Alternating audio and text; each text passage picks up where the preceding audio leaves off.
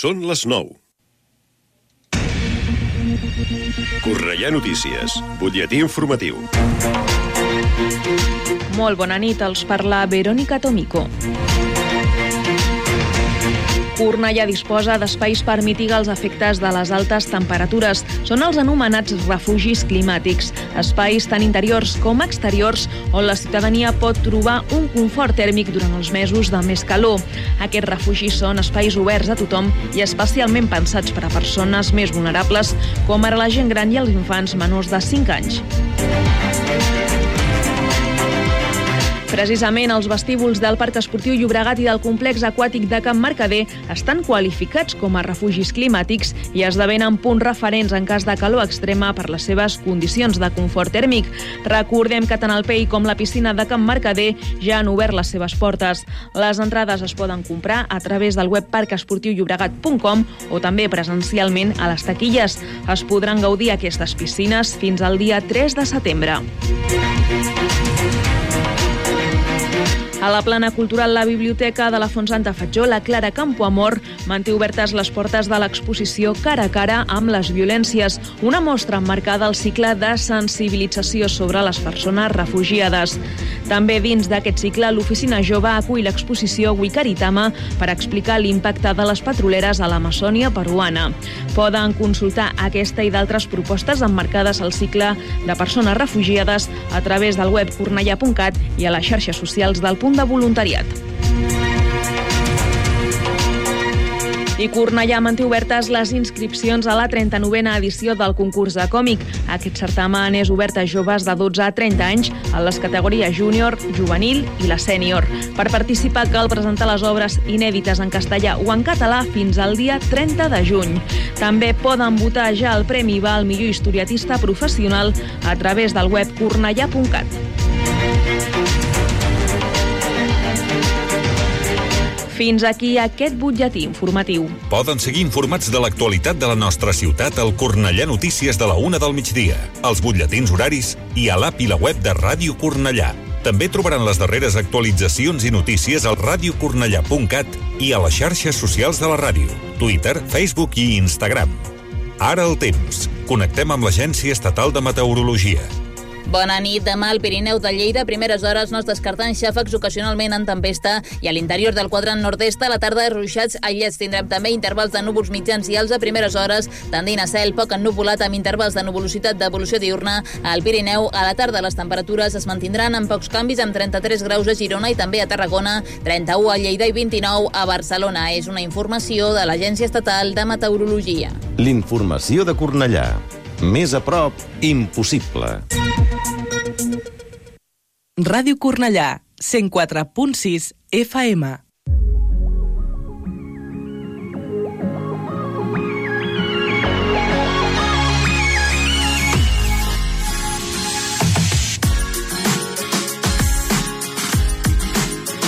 Ara comença Let's Go Creu Roja, mitja lluna roja i cristal roig, amb el patrocini de Conxeroria Montserrat.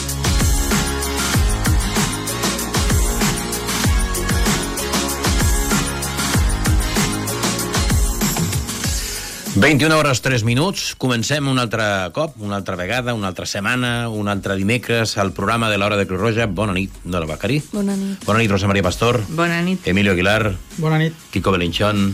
La presència del nostre excompany Javier Muñoz, que està per aquí també. Bona nit.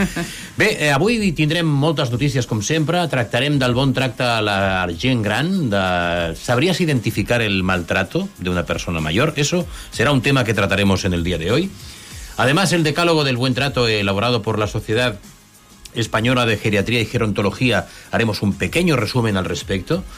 Tocaremos algo que viene y está muy de moda esta semana, es la verbena de San Juan y por lo tanto mm, una verbena sin petardos y cohetes y cohetes y petardos y esas eh, situaciones eh, que a veces provocan eh, verdadero pánico para los animales, no sé si lo sabéis, Sí, verdadero pánico para los animales. Bien, pues eh, lo que intentaremos es tratar eh, de mm, dar consejos respecto del uso de los petardos y de los cohetes, pero sobre todo para que las personas más jóvenes, los más jóvenes, no se hagan daño y es muy importante. Seguiremos con eh, parte lúdica nuestras adivinanzas de Olga Giorgi. Recordar que la semana anterior ya nos delitó con una de ellas y hoy trae otra nueva. Y además, eh, yo creo que difícil. Y estaremos con el Hoy Viajamos, la sección del Hoy Viajamos, que pasaremos a estar también no demasiado cerca de aquí, en, eh, creo recordar. Y, y, finalmente hablaremos del efecto antiinflamatorio de un alimento típico del desayuno. Y esto casi parece el título de una película, el efecto antiinflamatorio del café con leche. ¿A que parece una, el, ¿eh? el, el, título de una película? Bien, pues lo pondremos en marcha. Y con eso estaremos prácticamente en la parte final del programa. Hablaremos también un poquito de salud si es que nos da tiempo, sobre todo del, de la cantidad de sal que hemos de ingerir, que ha de ser la mínima posible, es lo que dicen los médicos. Y nosotros seguiremos, eh, digamos, consumiendo los minutos hasta que llegue nuestro punto y final. Eso no antes o no mejor sin dejar, eh, ahora me parezco al Rajoy, no más, más eh, alcaldes con el niño del alcalde y los... ¿eh? Entonces decía que eso lo vamos a llevar a cabo, pero no sin hablar de nuestros consejos de primeros auxilios. No te imaginas lo valioso que es un gesto en tu empresa. Una sonrisa que motiva, una señal de ok que orienta, una compresión en el pecho que recupera una parada cardiorrespiratoria. Enseña a tu equipo los gestos más valiosos. Infórmate y contrata cursos de primeros auxilios para empresas en cruzroja.es o en el 902 22 22 92. Aprende a salvar vidas. Todos y todas a nuestro alrededor nos relacionamos con personas mayores, bien porque están a nuestro cargo, porque nos echan una mano en el cuidado y el acompañamiento de nuestros hijos o hijas, o porque conviven con nosotros. Por ello es importante saber detectar un trato inadecuado hacia las personas mayores, que antes que mayores son personas. Es esencial ponerse en su lugar, darnos cuenta de cómo les hablamos y no dar por sentado frases que le pueden, puedan afectar, afirma Dunia Morero, técnica de personas mayores de Cruz Roja en Valencia. El maltrato no solo abarca la agresión física, sino que va desde la negligencia u omisión de los cuidados que pueden sufrir tanto por su entorno familiar como por profesionales, hasta el abandono o la creación de una imagen peyorativa que socialmente se ha creado hacia este colectivo, fruto del edadismo, las trabas de la participación social o el infantilismo, entre otros. La mayor parte de las veces el trato hacia las personas mayores se realiza de puertas para adentro y puede ser invisible. Por ello es importante saber detectar y posteriormente corregir malas conductas que por desarrollarse en entornos internos y no públicos pueden dar pie a una falta de respeto y de delicadeza. Para evitar conductas negativas hacia las personas mayores es clave tener en cuenta lo siguiente. Refuerza su independencia, pues las personas mayores pueden disfrutar de una vida plena respeta sus preferencias, no podemos dar por hecho que están a nuestra disposición y trata con dignidad y respeto. No utilices frases como quédate con los niños que no vas a hacer nada o con la edad que tienes es mejor que no salgas, entre otras. Cuidar el lenguaje es clave para evitar menospreciar a las personas mayores por su edad. Favorece el uso y el reconocimiento de sus capacidades. No olvidemos que las personas mayores pueden aportarnos sabiduría, experiencia y visión histórica. Escúchales y ten en cuenta su opinión. Las personas mayores son relevantes para la sociedad y nexo de unión de muchas familias. Desde Cruz Roja en Valencia, concretamente en Bibliomar de la playa de Cabanchal, han puesto en marcha del 12 al 16 de junio unos talleres titulados ¿Sabrías identificar una situación de maltrato? El objetivo es seguir luchando por una conducta positiva hacia las personas mayores.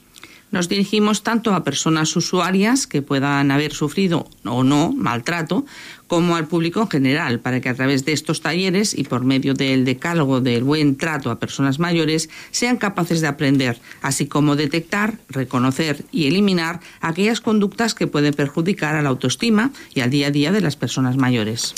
Cruz Roja en este último año, a través del proyecto Buen Trato, ha realizado más de 14.000 intervenciones de este ámbito, desde 196 puntos de atención repartidos en todo el territorio, precisamente para promocionar un trato adecuado a las personas mayores y protegerlas frente al maltrato, salvaguardando sus derechos y apoyando a quienes sufren o podrían sufrir cualquier tipo de maltrato. Desde 2016, Cruz Roja realiza actividades dirigidas a mejorar la información y toma de conciencia de la importancia del problema por parte de las propias personas mayores. Su promoción y participación en su proceso de mejora a través de grupos de ayuda mutua o la creación de contenidos y la mejora de las competencias necesarias para prevenir o superar las consecuencias de una posible situación de abuso, negligencia o maltrato. Todo ello lo hacen posible más de 700 personas voluntarias formadas, motivadas y organizadas para ello. Ser voluntaria de Cruz Roja para mí es mi vida ahora mismo. Desde que me metí en Cruz Roja me encuentro feliz. Que yo salgo de mi casa y sé que me voy a encontrar con gente que a mí me aporta mucho.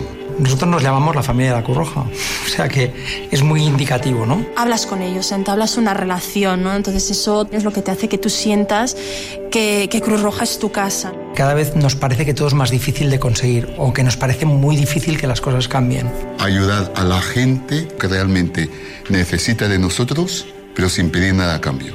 Yo creo que desde fuera no se llega a ver realmente lo que es. Porque si lo conocieran y vieran lo que aporta, yo estoy segura de que habría más voluntarios. Ser voluntario mm, puede ser todo el mundo. Aquí nadie es mejor o peor, todos tenemos algo que aportar. No, no necesitas tener una titulación, no necesitas tener absolutamente nada. Con ser tú mismo ya es más que suficiente. Lo que se propone la gente que está en la organización lo consigue. Me ha aportado ser quien soy hoy, experimentar cosas nuevas. Ser más positivo, a tener más empatía. Recibe uno más que da y estás ayudando a alguien que necesita que le ayuden. Te lleva tiempo, pero mira, lo das por bien empleado. Realmente es duro, pero es muy gratificante. Si no hiciera esto, ¿qué haría, no? Es que me da la vida. ¿Por qué ser voluntario? Porque es lo que yo siento y en mi vida. Por la cara de satisfacción de la gente. Porque te transforma, porque te hace crecer, porque te hace vivir, porque te lleva a la realidad, porque es grande ser voluntario. Y por eso soy voluntario, porque me encanta, así de sencillo. El voluntariado es un boomerang de vida y vuelta. No lo dudes, únete a Cruz Roja, lánzate. Más información en cruzroja.es. Campaña financiada por el Ministerio de Sanidad, Servicios Sociales e Igualdad, por solidaridad a otros fines de interés social. 21 horas 11 minutos en el 104.6 de la FM, estamos con la hora de Cruz Roja y decíamos al inicio del programa que la Sociedad Española de Geriatría y, Geron y Gerontología había elaborado una serie de, de criterios que sirven de alguna manera para establecer y para mejorar la relación con las personas mayores que se tienen en el entorno familiar y también fuera del entorno familiar. Proporcionar un trato adecuado en la sociedad, la familia, los profesionales, los medios de comunicación genera bienestar, dignifica la vejez, enriquece nuestra sociedad. Buen trato a mayores merece el diseño de estrategias, de campañas de sensibilización, sostenibilidad y adaptación de modelos de atención, de cuidados dirigidos a favorecer la autonomía, evitar situaciones de dependencia, hacia la atención individualizada centrada en la persona, garantizando la dignidad, dotando a los servicios sociales y sanitarios de especialistas en geriatría y gerontología. Formar a los cuidadores facilita el buen trato, previene el trato inadecuado y evita situaciones de sobrecarga y claudicación familiar. En el buen trato a las personas mayores, todos somos responsables. Favorecer la visibilidad de la heterogeneidad y característica de las personas mayores, el envejecimiento saludable, la planificación para envejecer activamente, promocionar la solidaridad integracional y el voluntariado. Facilitar el acceso a recursos, información, participación y decisión en el plan de cuidados en el acceso a la tecnología, diseñar para prevenir situaciones de riesgo y dar apoyo y seguimiento de su situación, relación con profesionales, familia, amigos y mantener el contacto con la realidad, o ofrecer una atención integral al final de la vida, en situaciones de enfermedad avanzada, a las personas mayores, a las familias y profesionales, desde los aspectos físicos, emocionales, sociales, espirituales y dar sentido y esperanza. Esa cultura del buen trato tiene unos principios que la rigen concretamente y son la valoración y reconocimiento individual, comunitario e institucional que como ser humano y como persona merece la persona mayor. Comunicación, hay que preguntar, escuchar y conocer que es buen trato para cada individuo y siempre tratar de ponerse en el lugar del otro. Eso se llama empatía. Adaptación e individualidad. Recibir atención individual desde las necesidades y preferencias centradas en la persona. Autonomía personal importantísima. Tomar decisiones, tener el control sobre las decisiones que nos afectan. Calidad de, vida y bienestar. Respeto a los valores personales. Ofrecer calidad en las condiciones de vida. Favoreciendo la satisfacción personal y el bienestar en todas las áreas. La igualdad. Tratar bien no tiene que ver con la edad con las diferencias personales. La identidad, por lo que representa como individuo y como colectivo. La libertad, de expresión, de opinión, de pensamiento, de valores y creencias y de movimiento. Y la dignidad, sentirse seguros en la familia, tener atención individualizada de los profesionales, de los centros sociales y sanitarios, explorar por sus preocupaciones e intereses garantizados sus necesidades básicas y su salud, con especialistas formados en geriatría y en gerontología. Y la negociación, desde la base de la comunicación, encontrando las alternativas y soluciones a las dificultades.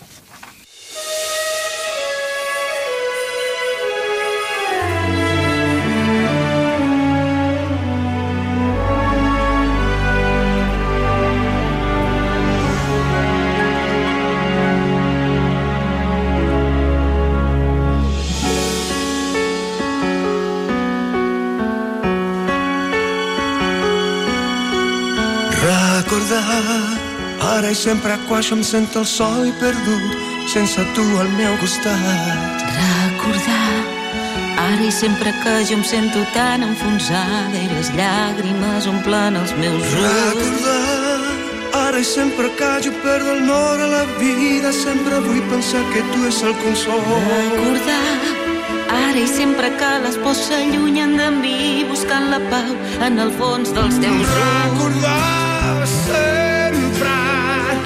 Sempre que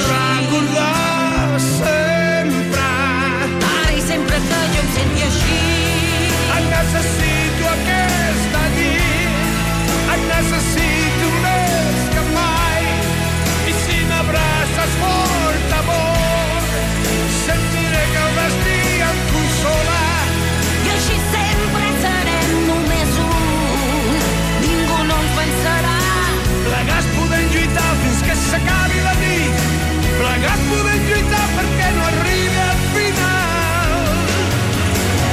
Jo no sé què fer si tu no estàs amb mi. Cegues el camí és sempre fred i dur. Et necessito promeu d'aquí fins a l'eternitat. D'aquí fins a l'eternitat. Ja fa molt de temps jo em vaig enamorar i ara em trenco a trossos per tu.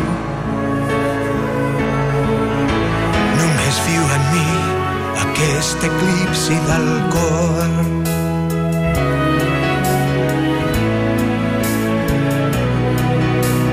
Ja fa molt de temps una llum als teus ulls que ara s'ha apagat era pau.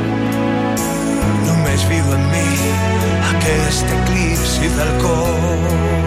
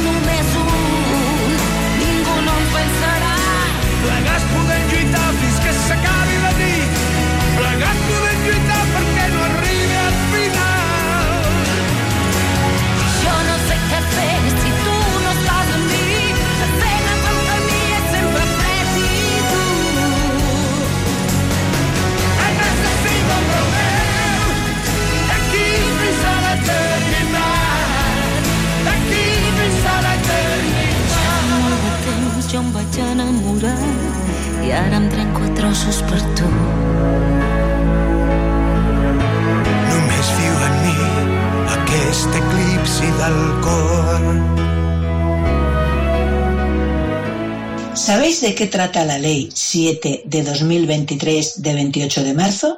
Pues vamos a hablar un poco sobre ella. Consideramos que es conveniente conocer algunos detalles de esta ley en cuanto a sus obligaciones.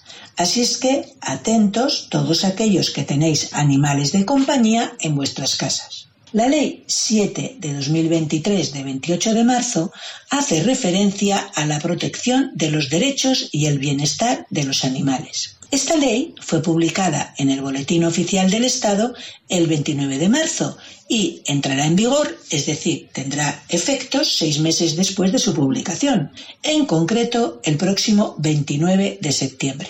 Las claves principales de esta nueva ley de bienestar animal son las siguientes. La ley prohíbe dejar sola a una mascota o animal de compañía más de tres días o 72 horas. Y este periodo se acorta hasta las 24 horas para los perros, que deberán estar acompañados antes de que transcurran estas 24 horas. También prohíbe que los perros o mascotas estén de manera continua, es decir, permanentemente en terrazas, azoteas, trasteros, sótanos, patios o vehículos. Asimismo, la ley determina que la venta de perros, gatos y hurones solo se podrá hacer por criadores autorizados, sin la intervención de mediadores. La ley mantiene la clasificación de razas de perros potencialmente peligrosas. Por nombrar a alguno, pues comentaremos sobre el Pitbull Terrier, el Dogo argentino, entre otras. Y sus propietarios tienen una serie de obligaciones como son tener licencia administrativa, llevarlos con correa corta, con bozal, y no tienen permitido pasear sueltos en zonas habilitadas para perros. También deberán tener contratado un seguro específico para perros de razas potencialmente peligrosas. Se prohíbe el sacrificio de animales por razones económicas. El sacrificio de animales de compañía solo eh, podrá realizarse por razones de salud o médicas. La ley impone la esterilización de los gatos a partir del medio año de vida. También hay la obligación de identificar a gatos y hurones al igual que a los perros mediante microchip. De esta manera habrá un mayor control sobre los mismos, como pueden ser, por ejemplo, abandonos, pérdidas, robos, etc. También se deberá hacer un curso de formación obligatorio para la tenencia responsable de perros, tanto para nuevos propietarios como para aquellos que ya conviven con sus perros. El contenido de esta formación está todavía pendiente de definir, pero su objetivo es el de formar al ciudadano en la correcta tenencia y cuidado de su perro. Este curso de formación tendrá validez indefinida. Se deberá contratar y mantener en vigor un seguro de responsabilidad civil para todos los perros del territorio español. Ahora bien, los perros dedicados a actividades o labores específicas, como por ejemplo a la caza, al pastoreo o eh, perros de seguridad, que son los que son utilizados por las fuerzas de seguridad, quedan fuera de esta nueva ley. Pueden surgir algunas dudas con respecto a la nueva ley y vamos a hacer algunas consideraciones al respecto. La nueva ley de bienestar animal, recogida en el Boletín Oficial del Estado, hace referencia a que para que un animal esté en el listado de animales permitidos para tener en casa, tiene que tener unas necesidades ecológicas, es decir, unas necesidades de espacio, de higiene, de alimentación e interacción con otros animales de manera adecuada. También etológicas. Esto significa que hay que tener en cuenta el comportamiento y las características de su especie y, lógicamente, fisiológicas. Y además que no supongan un riesgo para las personas por su agresividad, ya sea a causa de su conducta, por producción de veneno o por su tamaño. Sin embargo, A partir de la aprobación de esta ley de bienestar, algunas de las mascotas más habituales entre los españoles empezarán a estar prohibidas. ¿Qué mascotas no se podrán tener en casa? Para realizar esta lista de animales se han basado en la dificultad para cuidarlos por diferentes necesidades. Los que puedan tener conductas agresivas, eh, sean venenosos, que transmitan enfermedades o puedan afectar al ecosistema por su carácter invasivo. Algunos de ellos son, por ejemplo, eh, conejos y roedores, como por ejemplo ratones, hámsteres, chinchillas o cobayas. Respecto a las aves, pues cotorras, agapornis o periquitos. También hace referencia a tortugas, arañas, erizo, eh, cerdo vietnamita y a reptiles exóticos como serpientes, iguanas, lagartos, camaleones o gecos. Puede ocurrir que la mascota que tengamos en casa en estos momentos no esté incluida en el listado de animales permitidos o aceptados como mascota. En este caso, lo que se debe hacer es comunicarlo al organismo medioambiental de la comunidad autónoma pertinente y ellos darán la respuesta adecuada al respecto.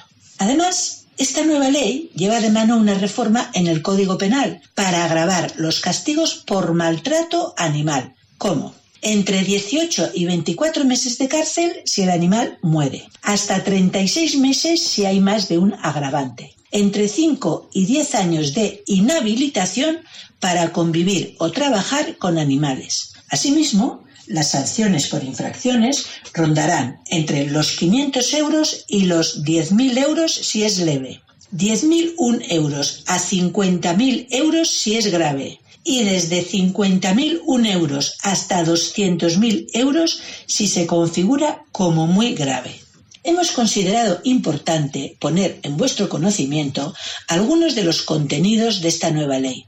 El tener animales como mascotas o de compañía requiere de una gran responsabilidad. Uno de los principales objetivos que tiene esta norma es acabar con el maltrato y el abandono animal. También finalizar con el sacrificio de perros eh, y de gatos y la obligación de identificar a los animales.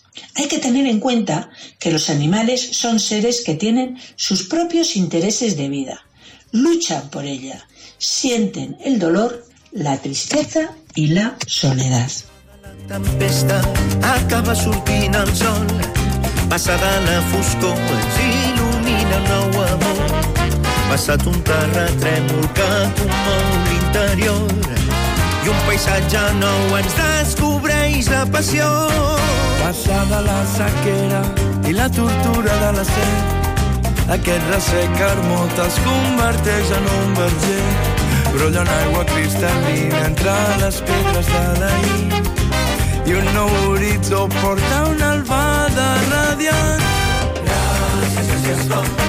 Gràcies, gràcies, com. La fe en la vida i en l'amor m'ha retornat al passat sense enfondre't al record. Les runes d'una i en el patiment. Gràcies. Hi un nou camí s'obren el temps. Una esquerda lluminosa cap al coneixement i l'animarà cantar amb agraïment. Passada la tempesta, acaba sortint el sol. Passada la foscor, ens il·lumina un nou amor. Passat un terratrèmol que comou l'interior un paisatge nou ens descobreix la passió. Gràcies, gràcies. La fe en la vida i en l'amor m'ha retornat al passat sense enfondre't al record. Les runes d'una illa en el patiment. Gràcies, gràcies. Gràcies, gràcies. Hi un nou camí s'obre en el temps una esquerda lluminosa cap al coneixement i l'animarà a cantar amb agraïment. Con este ambiente, al menos el ritmo, ¿eh? al menos el ritmo es, un ritmo de verbena. Tenemos que iniciar eh, concretamente las noticias de esta tarde-noche, que tiene mucho que ver con algo que siempre está presente en las verbenas, en los finales de año, en las nocheviejas, etcétera, etcétera, que son los cohetes, los petardos y sus precauciones. Uno de los atractivos del periodo estival son las fiestas patronales y populares que se celebran en la mayoría de los pueblos y ciudades españolas. Casi siempre, especialmente en el Levante, estas celebraciones van acompañadas del sonido de los petardos o los fuegos artificiales. Aunque son utilizados por personas de todas las edades y en general no provocan situaciones de alarma, es muy conveniente tomar una serie de precauciones para evitar que la fiesta se convierta en tragedia o al menos para reducir al máximo las posibilidades de un suceso desagradable o un buen susto.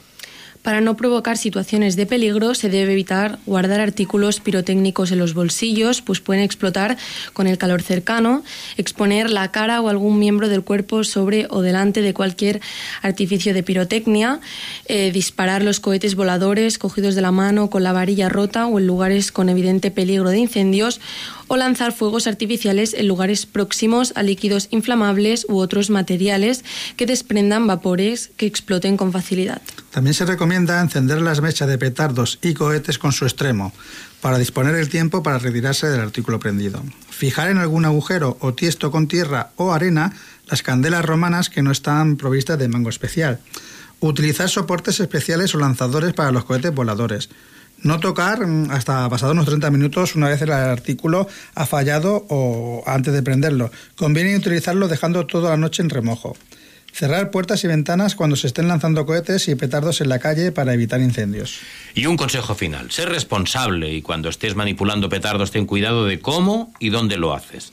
Antes analiza los daños directos que pueden infligir los restos durante las explosiones, así como las molestias y situaciones de estrés que pueden generar a otras personas a los animales, a las mascotas y a los que puedes provocar ataques de verdadero pánico. Pero también, si eres padre, tienes que tener presente que el iniciar en el mundo de los petardos y los cohetes a los niños requiere que el niño se mentalice, y tú también, de que el niño debe estar siempre supervisado por una persona mayor y se le tiene que dar instrucciones de cómo hacerlo y evitar que, de alguna manera, entre en una situación de riesgo. Por lo tanto, ten cuidado siempre de que eh, la formación a los menores sea la adecuada y que podamos hacer eh, concretamente que no pase absolutamente nada y que todo sea una gran fiesta en esa verbena o en esa fiesta especial. Seguimos con el cuidado porque las quemaduras, amputaciones, las lesiones auditivas, en consecuencia, son uno de los casos más comunes. Y los expertos en medicina, los médicos, dicen que hay que tener mucha precaución en este sentido porque existen una serie de lesiones importantes que pueden ser de por vida. ¿Hay suficiente seguridad en las verbenas, cotillones de Nochevieja o fiestas populares con los artículos pirotécnicos? Todas estas son preguntas que responden concretamente los médicos y que lo hacen así. Lo primero es la prevención y no permitir que ninguna persona que no sea profesional o esté supervisada manipule petardes ningún tipo de productor eh, de pirotecnia. Es el mensaje con el que el otorrino laringólogo en el Hospital Vitas de Sevilla, Ismael Rando, da muestras de los graves peligros que conlleva la manipulación de estos productos, sobre todo por los más pequeños. Con la llegada de las verbenas, las fiestas populares, la noche vieja y el año nuevo, son muchos los que buscan celebrarlo con el uso de petardos y otro tipo de pirotecnia que lanzan a la calle y que en muchos casos dejan en manos de los niños. El doctor Rando asegura que la población no es consciente de los peligros para la salud que, en- que entraña el uso incontrolado de petardos y lamenta que esto se deba a la falta de pedagogía sobre su peligrosidad de las explosiones. De la misma manera que no hay suficiente conciencia de que las ondas expansivas, así como el ruido en general, son nocivos, indica, aunque apunte, que bajo su experiencia poco a poco se empieza a ser más consciente por cuestiones de contaminación acústica. El facultativo advierte de que la explosión de un petardo, así como cualquier otra, puede provocar pérdidas de audición como consecuencia de la onda lesiva que supone la onda de presión que es el sonido. Las lesiones que se pueden producir son tanto a nivel timpánica, con rotura por la explosión, o de oído medio, por lesiones a nivel de, los huesecitos. Pueden llegar incluso al oído interno por la progresión y transmisión de la onda expansiva al oído interno o por la introducción de los huesecillos del oído medio al oído interno. Nos aclara el especialista. Las primeras manifestaciones de una lesión de los mecanismos auditivos suele ser la hipocausia, con la sensación de taponamiento y acuíferos, que es un pitido posteriormente dependiendo de la gravedad. Este- también se pueden dar vértigos o mareos. En algunos casos puede hacer un síncope si la explosión es muy intensa. Todo dependerá del grado de la intensidad de la onda de presión y... el especialista en cirugía ortopédica y traumatología en el Hospital Vitas de Sevilla, Pedro Morales, apuesta por prohibir la venta no controlada de estos artefactos para evitar riesgos. Recomiendo, dice él, que al menos se compren en tiendas especializadas y legales que garanticen el buen estado del material que se compra. El especialista apunta que los riesgos fundamentales son las quemaduras de dedos y manos, porque el material explota antes de tiempo y no se controla. Y los más graves son las amputaciones de los dedos. Las amputaciones traumáticas y es una lesión relativamente frecuente cuando se usa este tipo de productos de forma inadecuada. Ahora diremos las lesiones de por vida. La mayor parte de las quemaduras y heridas que sufren los menores se producen por no cumplir las normas sobre el uso de pirotecnia. El especialista se muestra partidario de limitar la venta de material pirotécnico en este colectivo y si se usan, que siempre sea con la supervisión de un adulto que controle todo el proceso. Así, para evitar males mayores, el doctor Morales da algunas claves para la correcta manipulación de los petardos y, apunta que nunca hay que encender la mecha en la mano, siempre ponerlo en el suelo en un sitio estable, porque puede explotar antes de tiempo y generar complicaciones. El jefe de pediatría del hospital, el doctor Juan Antonio Soult, también advierte de los importantes peligros del uso de petardos por los menores. El facultativo alerta de los riesgos de sufrir quemaduras y traumatismos graves en las manos cuando explotan en las mismas y en otras partes del cuerpo cuando se trata de explosivos de los que salen disparados, incluidos los ojos. Los niños no deberían de utilizar este tipo de artefactos que utilizan para pasar un rato divertido y que se puede convertir en algo trágico.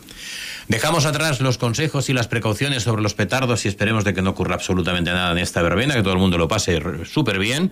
21 horas 35 minutos y vamos con la adivinanza de nuestra compañera Olga Giorgi. La tenemos preparada, creo que sí, la de la semana anterior. Adelante. A ver qué tal esta adivinanza. Cinco huéspedes se hospedan en cinco fundas de cuero. El más largo ocupa más. El más corto ocupa menos. La solución nos la da nuestro compañero Emilio. Yo creo que es el guante, ¿no? Tú crees bien. Yo creo, creo que Tú es el crees guante. bien. Sí, ¿no? Está- Es el guante. Y además ya sabéis que teníais que decirlo, o teníais que enviar un, un audio al, al- al WhatsApp, ¿eh? Eh, del, al número 666 88 88 21. Pero eso era la semana pasada y este es, esta es la adivinanza de esta semana. Así que mucha atención. Unos se esconden deprisa, otro con mucho cuidado. Lo busco por cualquier lado, a veces muerto de risa. Recordad, audio con el nombre y apellidos, que no se olvide, al 666 88 88 21 y tenéis un premio de Cruz Roja por haber acertado la solución y cuantos más llamen y más acierten, más premios de Cruz Roja que repartimos. Así que eh, 21 horas 37 minutos y ahora la presencia de la música, concretamente con Euforia, en una de las canciones del maratón, del último maratón de la salud cardiovascular, Vivir mi vida se llama la canción.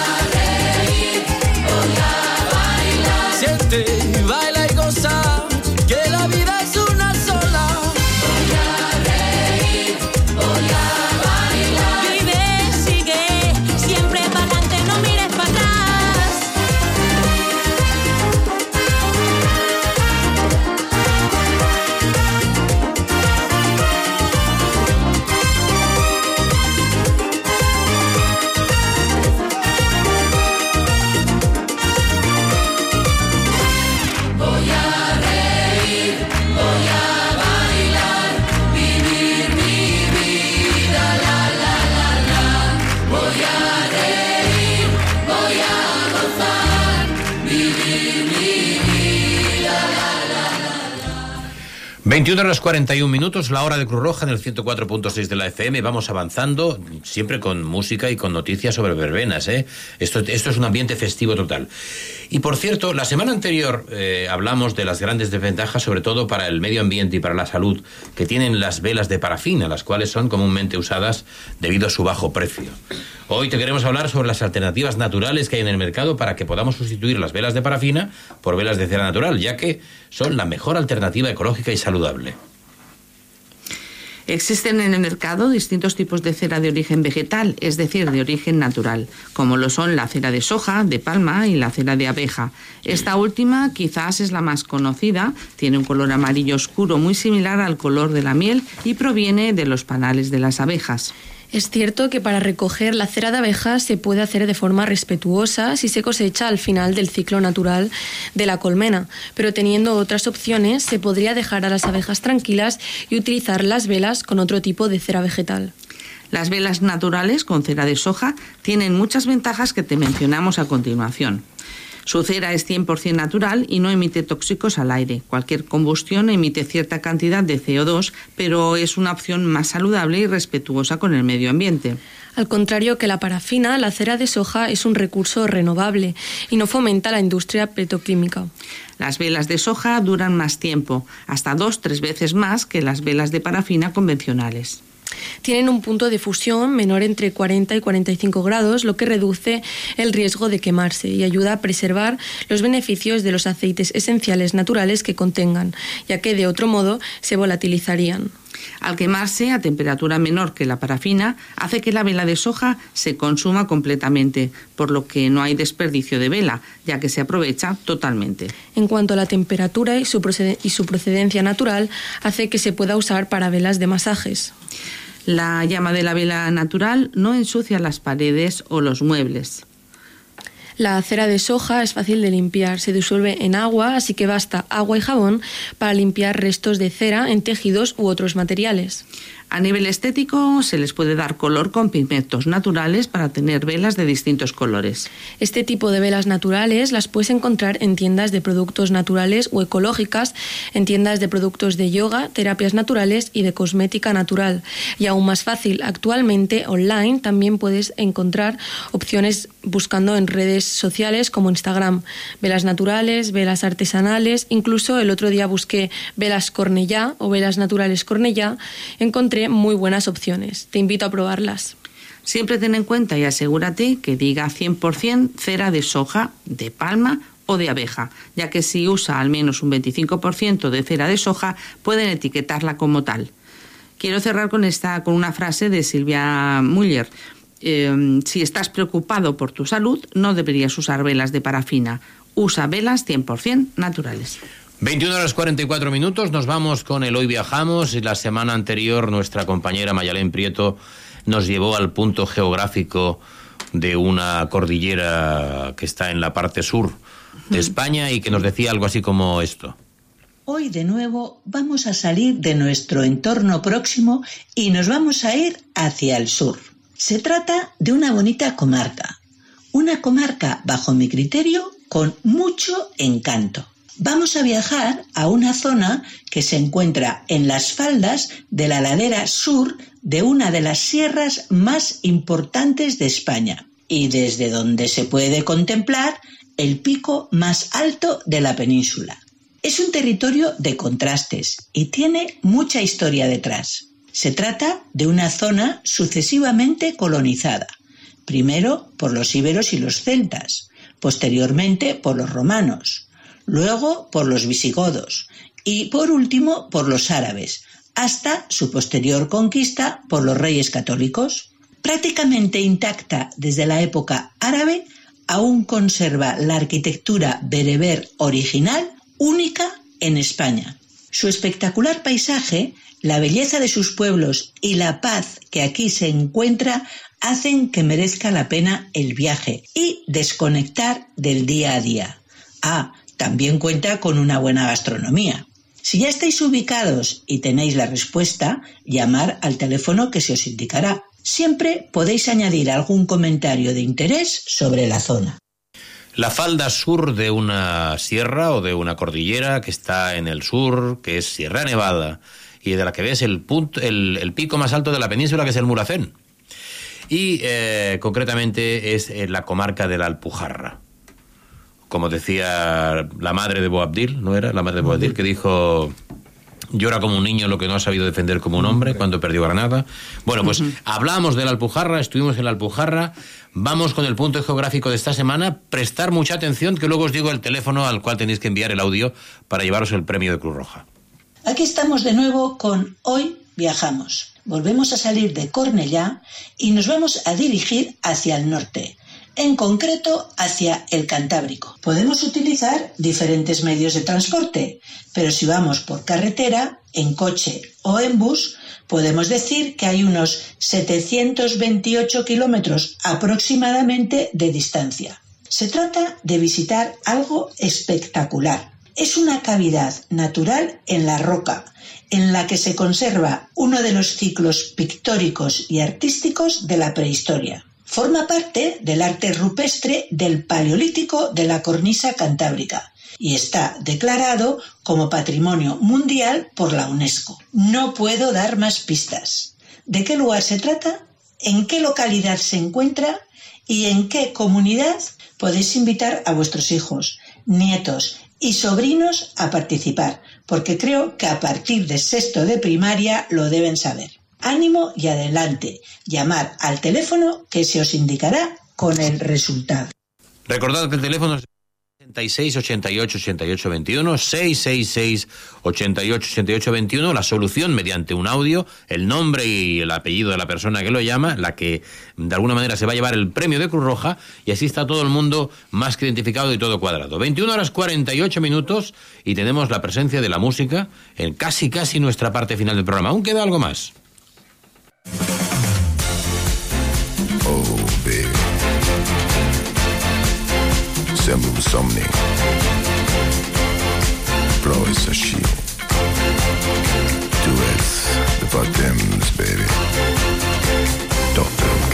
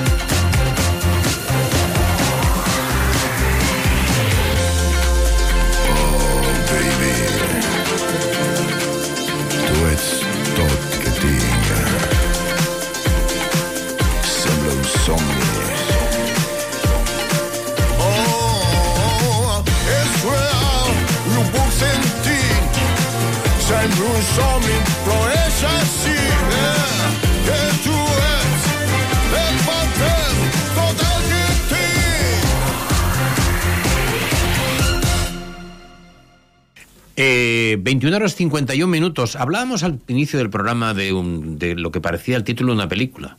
Y además, ya sé que suena gracioso, pero el efecto antiinflamatorio, anti- antiinflamatorio del café con leche, no sé si lo habéis oído, ¿eh? como película no estaría mal, posiblemente llevaría... Bueno, pues bien, estamos en el apartado salud concretamente y estamos, eh, de- decíamos que el exceso de inflamación puede provocar enfermedades, pero un nuevo estudio descubre el efecto antiinflamatorio de un alimento común en los desayunos. Tanto el café como el té tienen propiedades beneficiosas para la salud, como que reducen el riesgo cardiovascular y mejoran el control metabólico en general. No obstante, los efectos combinados del café con leche, más allá de su sabor, todavía eran desconocidos. Esto cambia ahora con un nuevo trabajo de la Universidad de Copenhague. Este estudio sugiere que esta combinación, además de ser una de las más tomadas en España, tiene una propiedad que era desconocida hasta el momento, su poder antiinflamatorio. De forma fisiológica, cuando hay un microorganismo que entra en el organismo humano, el sistema inmune lo combate desplegando diversos tipos de células para defenderse. Esta reacción es la conocida como inflamación y también puede aparecer en situaciones de sobrecarga tendinosa y muscular. Un exceso o un mal funcionamiento de este es también puede llevar al desarrollo de enfermedades como la conocida artritis reumatoide. Existen algunas sustancias naturales que han demostrado tener la capacidad para contrarrestar esta inflamación. Un ejemplo de esto son los polifenoles que están presentes en plantas, frutas y verduras. Estos mismos antioxidantes también tienen uso en la industria alimentaria para retrasar la oxidación y deterioro de algunos alimentos. No obstante, su presencia natural en los alimentos también es capaz de reducir el estrés oxidativo a nivel celular en humanos. Un nuevo estudio sobre los efectos de antiinflamatorio. Aunque los investigadores saben que los polifenoles pueden tener beneficios, no conocen qué es lo que ocurre cuando reaccione con otras moléculas. Por ejemplo, las proteínas mezcladas con otros alimentos.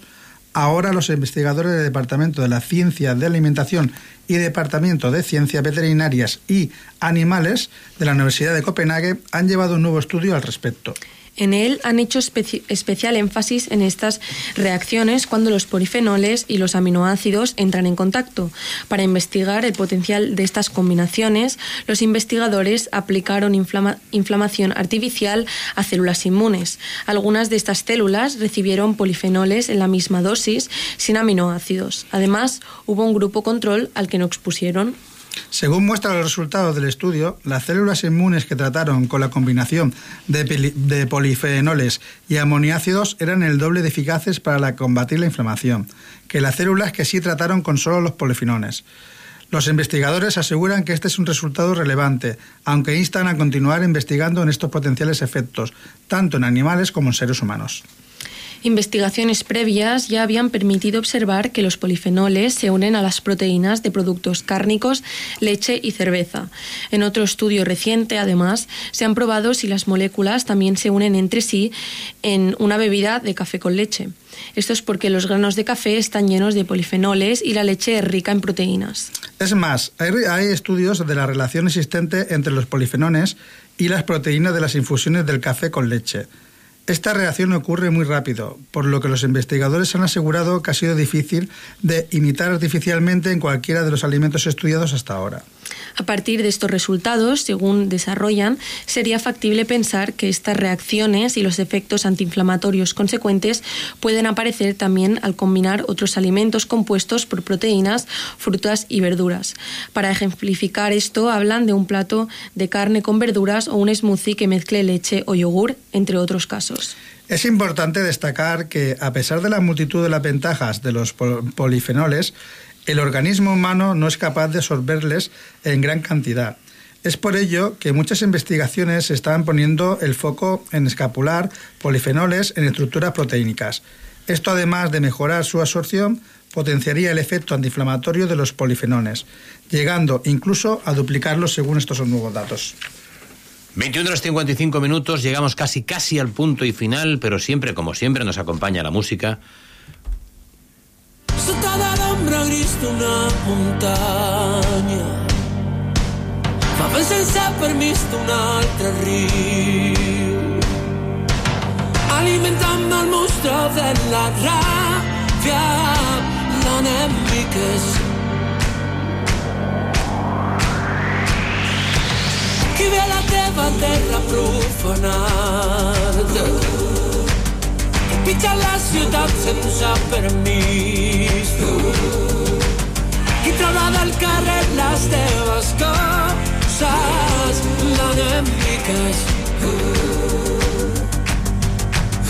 si aquests idiotes sabessin que jo sóc l'home més ric de la terra així dins les teves abraçades oblidaven que l'home no és més que un home les teves mans de bandera que tinc com a frontera una cançó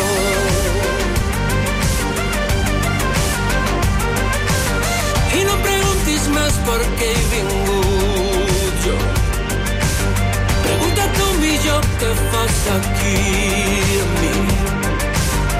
Tu seràs el fill d'un fill com altres, un esclau.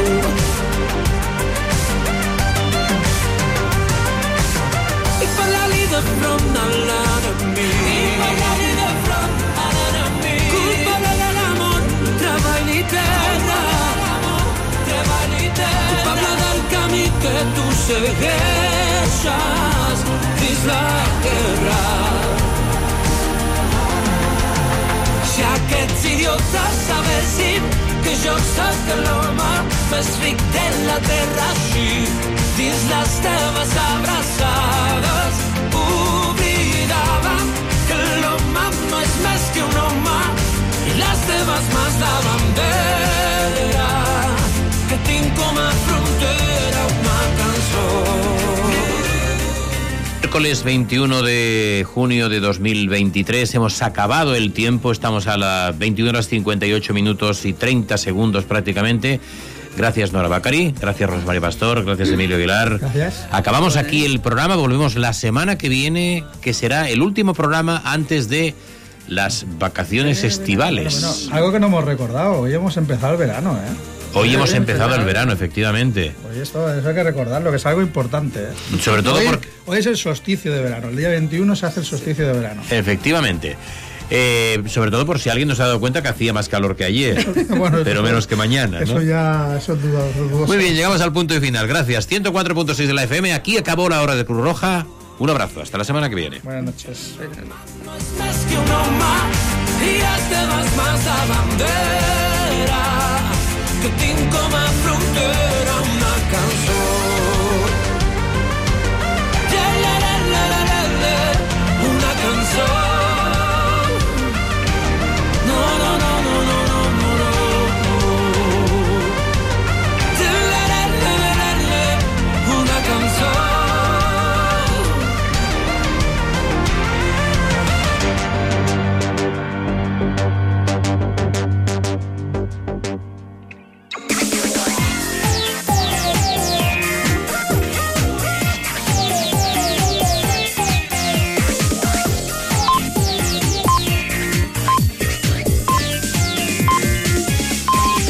Són les 10. Correia Notícies, butlletí informatiu. Molt bona nit, els parla Verónica Tomico. Cornellà disposa d'espais per mitigar els